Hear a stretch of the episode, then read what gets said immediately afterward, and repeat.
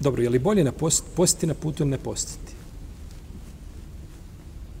Čovjek ide na put, je li mu bolje da posti ili ne posti? Spominje se od imama Malike u Šafije da su govorili da je post bolji onome ko može izdržati post. Ako se osjeća jakim, dovoljno snažnim da izdrži post, kažu bolje. Iako je poznato u mezhebu imama Malike i Šafije da, da ima pravo putnik da izabere. Da on odluči, znači, da li će postiti ili neće postiti.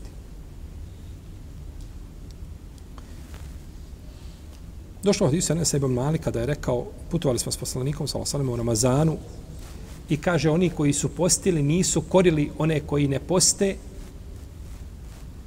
a oni koji ne poste nisu korili one koji poste. Niko nikoga nije korio. Bilo je ovakvi i podać širine kod ashaba. Zamislite da mi putujemo. Dvije grupe. Ovaj, putujemo mi i mi ocijeli na jednom mjestu. Iziš napolje, ovi stoje, postači stoje, tako zikre. Ovi sjeli, stavili sebe ovaj sofru i bismillah, jedu. Šta bi kazali? Odvojite nas u dva autobusa. Postači u prvi, ne postači na začelje. Tako. Šta bi rekao? Kazao bi, hvala Allahu koji me učvrstio na istinu.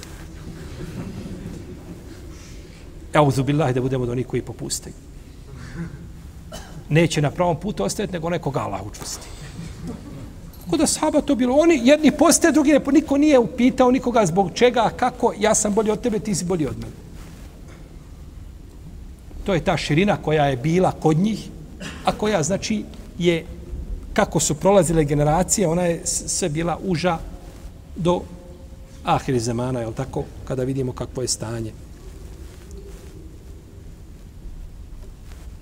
Kaže, nisu korili ovi ove, niti ovi ove. I prenosi se od Osmane ibn Asa i Anasa ibn Malika da su govorili da je post na putu bolji onome ko može izdržati post.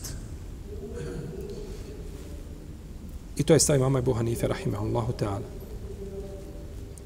A prenosi se od Ibnu Omara i od Ibnu Abasa su govorili da je, da je, da je bolje da je čovjek bolje da koristi olakšicu. I to je stav sa Ibnu Museiba i Šabija i Omar ibn Abdelaziza i Mujahida i Katade, Uzaji, Mama Ahmeda i Saka i drugi učenjaka. Kažu bolje da koristi čovjek šta? olakšicu i napostiće taj dan. Jer uzvišen je Allah kaže yuridu Allahu bikumul yusr wala yuridu bikum usr. Allah želi da vam olakša, ne želi da vam poteškoće stvara. Ibn Hazm ovim ajetom dokazuje kada je branio svoje mišljenje, kažu, kaže to, to su kako god na putu post je poteškoća, lakše jednostavnije čovjeku da ne posti. Pa kažu treba koristiti tu šta? Treba koristiti tu olakšicu.